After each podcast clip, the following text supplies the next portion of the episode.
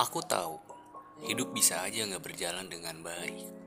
Akan selalu ada badai yang menanti di depan. Kekhawatiran tentang badai di depan selalu menghantui pikiran. Meski sudah sering melewatinya, sudah tahu bagaimana cara menghadapinya, sedikit banyak cemas ternyanyi-yang di kepala. Pelukmu adalah obat untuk meredam sedikit kecemasan. Tak perlu kalimat motivasi Quotes-quotes berisi, cukup dekap aku dalam pelukmu.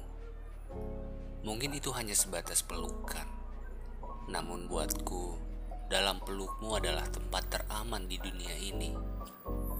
Dalam pelukmu, aku merasa bahwa meski dunia sedang tidak baik-baik saja, ada sedikit harapan untuk terus bertahan. Karena hangatnya memberikan sebuah ketenangan.